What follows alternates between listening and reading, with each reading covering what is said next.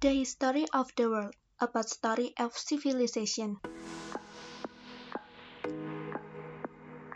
Hai, kembali lagi bersama aku Olivia Astri. Podcast kali ini aku akan menceritakan salah satu peradaban dunia yaitu peradaban Yunani. Iya, Yunani yang terkenal dengan Akropolis Athenanya itu loh. Penasaran sama peradaban Yunani kuno? Seperti apa sih kemegahannya? Dengerin terus podcast ini sampai habis ya, karena pasti banyak info menarik seputar peradaban Yunani di dalamnya.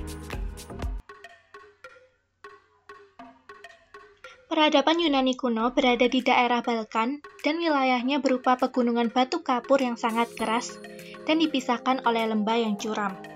Kondisi alam yang tandus dan kecil membuat Yunani harus membatasi jumlah penduduknya supaya dapat memenuhi kebutuhan hidup akan makanan. Selain itu, wilayah mereka dibatasi oleh gunung dan laut, sehingga harus bisa menguasai segala bidang untuk bertahan hidup. Peradaban pertama dinamai peradaban Minoa yang lebih dikenal dengan peradaban Kreta, karena berada di Pulau Kreta. Saat ini berada di daerah Laut Tengah bagian timur, Letaknya yang sangat strategis, bahkan saat ini menjadi terusan Suez, masyarakat Kreta tergolong masyarakat yang maritim dengan pekerjaan utama berdagang dan berlayar di Laut Tengah. Kata Minoa sendiri merupakan nama dari raja di Kreta. Dan pada saat itu sudah mengenal tulisan, namun hingga saat ini tulisan tersebut masih belum bisa dibaca. Di Pulau Kreta terdapat kota Sakros, diduga sebagai kota pelabuhan karena lokasinya terletak di 100 meter dari tepi pantai. Dan terdapat banyak sanggar kerajinan dan peninggalan bangunan berupa gudang timah.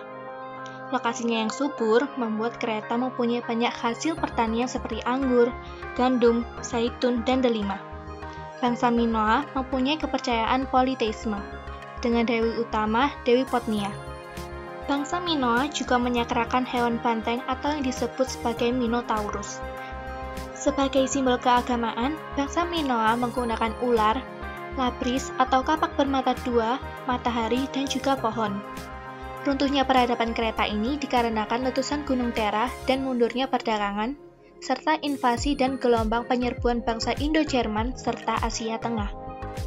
Saat itu, seni arsitektur juga sudah sangat baik, Jalan-jalan dibuat lurus, sudah diratakan, sudah mempunyai saluran air atau selokan.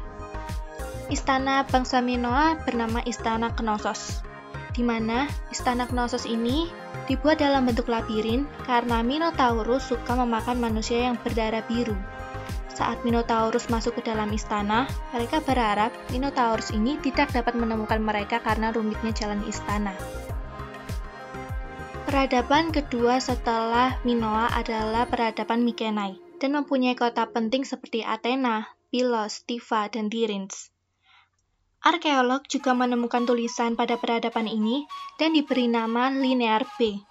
Pada peradaban Mikenai terjadi perang yang sangat terkenal. Bahkan sampai saat ini namanya masih digunakan. Perang itu bernama Perang Troya. Saat ini, Troya menjadi perangkat lunak berbahaya yang dapat merusak sebuah sistem atau jaringan. Yang gunanya untuk memperoleh informasi dari target berupa password, kebiasaan user yang tercatat dalam sistem log, data, dan lain-lain, dan mengendalikan target untuk memperoleh hak akses pada target. Perang Troya memiliki dua versi. Yang pertama, versi Iliad dan Odyssean, yaitu perang yang terjadi karena tiga dewi, yaitu Athena, Hera, dan Aphrodite. Mereka mempertengkarkan di antara mereka siapa sih yang paling cantik. Setelah itu ketiga dewi dibawa ke hadapan Paris, dan Paris milih Aphrodite lah yang paling cantik. Sebagai balasannya, Aphrodite membuat Helen, yang merupakan istri dari Melanos, jatuh cinta kepada Paris. Paris mengajak Helen untuk pergi dari Yunani dan lari ke kota Troya bersama Helen. Suami Helen, Raja Melanus yang mengetahui bahwa istrinya kabur dan menyuruh pasukannya langsung ke Troya. Troya digempur habis-habisan selama 10 tahun lamanya. Setelah itu, bangsa Yunani mempunyai ide kuda Troya, yaitu dengan membuat kuda kayu raksasa yang pasukannya dapat bersembunyi di dalamnya. Orang-orang Yunani berpura-pura untuk pergi dari Troya dan meninggalkan kuda Troya di sana. Orang Troya pun merasa senang karena bangsa Yunani sudah meninggalkan kota mereka dan mengambil kuda Troya sebagai tanda kemenangan. Padahal di dalamnya itu masih ada pasukan Yunani yang bersembunyi di dalam kuda kayu itu. Tanpa disangka oleh bangsa Troya, malam harinya pasukan Yunani keluar dari kuda tersebut dan menghancurkan seluruh isi kota. Dan perang pun berakhir dengan kembalinya Helen ke Yunani. Sedangkan versi aslinya, karena lokasi Troya yang strategis dan memperebutkan rute dagang di Laut Hitam yang dikuasai oleh orang Troya. Peradaban Mykenae berakhir karena serangan bangsa Doria dan juga bencana alam seperti kekeringan dan letusan gunung berapi. Hal ini menyebabkan Yunani berada di masa Dark Age dan munculnya polis atau negara kota. Terbentuknya polis ini dikarenakan kota dibatasi oleh gunung sehingga tidak adanya komunikasi antar kota. Pada masa Dark Age, masyarakat tinggal di dalam kelompok kecil dan tidak ada pemimpin yang sekelas raja. Polis Athena sudah ada sejak peradaban Mykenae. Athena berhasil menangkis serangan bangsa Doria dan tumbuh menjadi negara yang makmur dan kuat secara ekonomi dengan pertanian dan perdagangan sebagai aktivitas utamanya. Namun polis ini mengalami krisis tanah dan memicu perang saudara antara Draco dan Solon.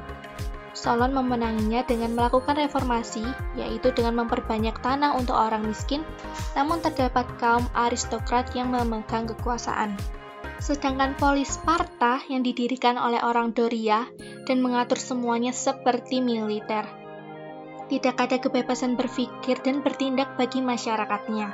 Sparta saat itu dipegang oleh sekelompok kecil orang kaya, dan semuanya diatur oleh negara dengan tujuan menciptakan warga negara yang kuat jasmaninya atau fisiknya sebagai prajurit.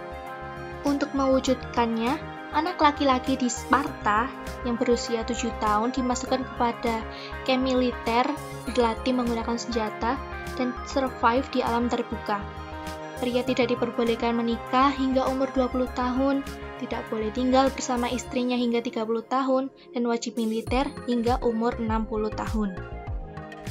Yunani mempunyai banyak sekali polis, namun akhirnya bersatu kembali karena mereka semua mengakui sebagai bangsa yang satu yaitu bangsa Hellas, mempunyai bahasa pemersatu yaitu bangsa Yunani, mempunyai kepercayaan yang sama akan dewa-dewi, dan melakukan olimpiade di mana setiap polis mengikutinya, serta memiliki musuh yang sama yaitu bangsa Persia. Perang Yunani dengan Persia terjadi sebanyak tiga kali. Perang yang pertama bernama Perang Maraton, yaitu perang antara Athena yang dipimpin oleh Thermistocles dengan Raja Darius I dari Persia. Penyebab perang ini dikarenakan Athena ikut campur dalam pertempuran antara Persia dan Ionia. Saat itu Persia menyiapkan 600 kapal dengan pasukan dan peralatan lengkap. Berlayar menuju Teluk Maraton untuk mendaratkan tentaranya dan menyerang lewat darat. Namun, tanpa disangka Athena ini menyerang ketika Persia belum siap, dalam artian, Athena menyerang di lautan di mana Persia belum mempersiapkan apa-apa. Hasilnya, Athena memenangkan perang ini. Perang yang kedua bernama Perang Thermopylae antara Sparta yang dipimpin oleh Leonidas dengan Xerxes dari Persia. Alasan perang ini cukup sederhana, karena dendam Xerxes atas kematian ayahnya di Perang Maraton. Saat itu, Sparta hanya memiliki 300 tentara dan dibantu 700 tentara dari polis lain yang membantunya.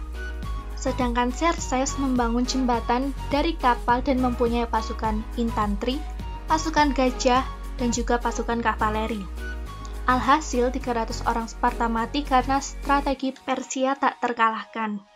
Perang Salamis adalah perang yang ketiga di mana Persia tetap dipimpin oleh Xerxes dan Athena dipimpin oleh Thermistocles. Setelah kemenangan Xerxes pada perang Thermopylae, Xerxes ini ingin melanjutkan cita-cita ayahnya untuk menguasai Yunani. Saat itu, warga Athena diungsikan ke Argina dan Salamis. Termitokles mempunyai strategi perang berbentuk lingkaran untuk menenggelamkan kapal-kapal Persia yang kesulitan berlayar karena jalurnya yang sangat sempit. Akhirnya, Athena berhasil menenggelamkan sekitar 300 kapal Persia dan Persia pun dapat dikalahkan. Setelah perang antara Yunani dan Persia ini selesai, masih terjadi perang saudara antara Sparta dan Athena Latar belakang perang ini dikarenakan ketakutan Sparta akan kekuasaan Athena yang tumbuh kuat secara ekonomi dan juga militer. Athena mengandalkan angkatan laut dan kekayaannya. Namun mereka lupa bahwa tentara Sparta jauh lebih hebat daripada Athena. Athena menetapkan strategi bertahan dan armada lautnya membuat kerugian Sparta. Sedangkan Sparta bersekutu dengan Persia yang sebelumnya adalah musuhnya untuk melemahkan kekuatan Athena. Hasil dari perang saudara ini adalah Athena kalah dan wilayah kekuasaannya berkurang drastis serta angkatan lautnya itu dibubarkan. Kekuasaan Sparta atas Athena pun tidak bertahan lama karena Sparta itu hanya ahli di perang, tapi nggak ahli untuk memerintah. Kemudian ada kerajaan baru yang berada di sebelah utara Yunani yang bernama Makedonia. Rajanya yang bernama Filipos II bercita-cita untuk menguasai Yunani.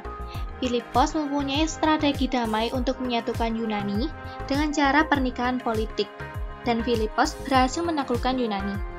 Filipos ingin menguasai Persia, namun ia terbunuh, dan anaknya yang bernama Alexander diangkat menjadi raja muda. Alexander meneruskan cita-cita ayahnya. Alexander sempat memenangkan perang dengan Persia di Sungai Granikos dan membuatnya semakin ambisius karena kemenangannya itu. Darius, pemimpin Persia saat itu melarikan diri di pertempuran Gua Gemala. Dan Darius ditemukan terbunuh oleh rakyatnya sendiri. Kemudian Alexander dapat menduduki Persia. Setelah kekuasaan Alexander berakhir, wilayah kekuasaannya terbagi menjadi tiga bagian. Yunani terkenal dengan Olimpiade. Olimpiade dilakukan empat tahun sekali untuk menghormati Dewa Zeus. Setiap kota mengirimkan atlet terbaiknya untuk bertanding gulat, lari cepat, tinju, lempar cakram, lempar tebing, serta balap kereta. Setiap orang berupaya untuk mendapatkan kemenangan agar dapat memberi kehormatan bagi dirinya dan kotanya. Lapangan Olimpiade terbesar ada di Olimpia, berupa bangunan kuil dan gelanggangan di lapangan terbuka. Sepuluh bulan sebelum Olimpiade, atlet akan melakukan pelatihan khusus, dan sebelum berlatih diadakan pesta. Di dalam pesta, mereka bersumpah agar dilatih secara keras dan serius. Pemenang Olimpiade ini akan mendapatkan anggur dan zaitun, hiasan kepala, serta piala. Nah, bagaimana cerita mengenai peradaban Yunaninya? Menarik kan? Semoga sampai akhir kalian tetap tertarik mendengar cerita yang kubawakan. Terima kasih telah mendengarkan sampai akhir dengan antusiasme yang sangat tinggi. Sampai jumpa di episode peradaban dunia lainnya guys. Stay healthy and God bless you. Bye!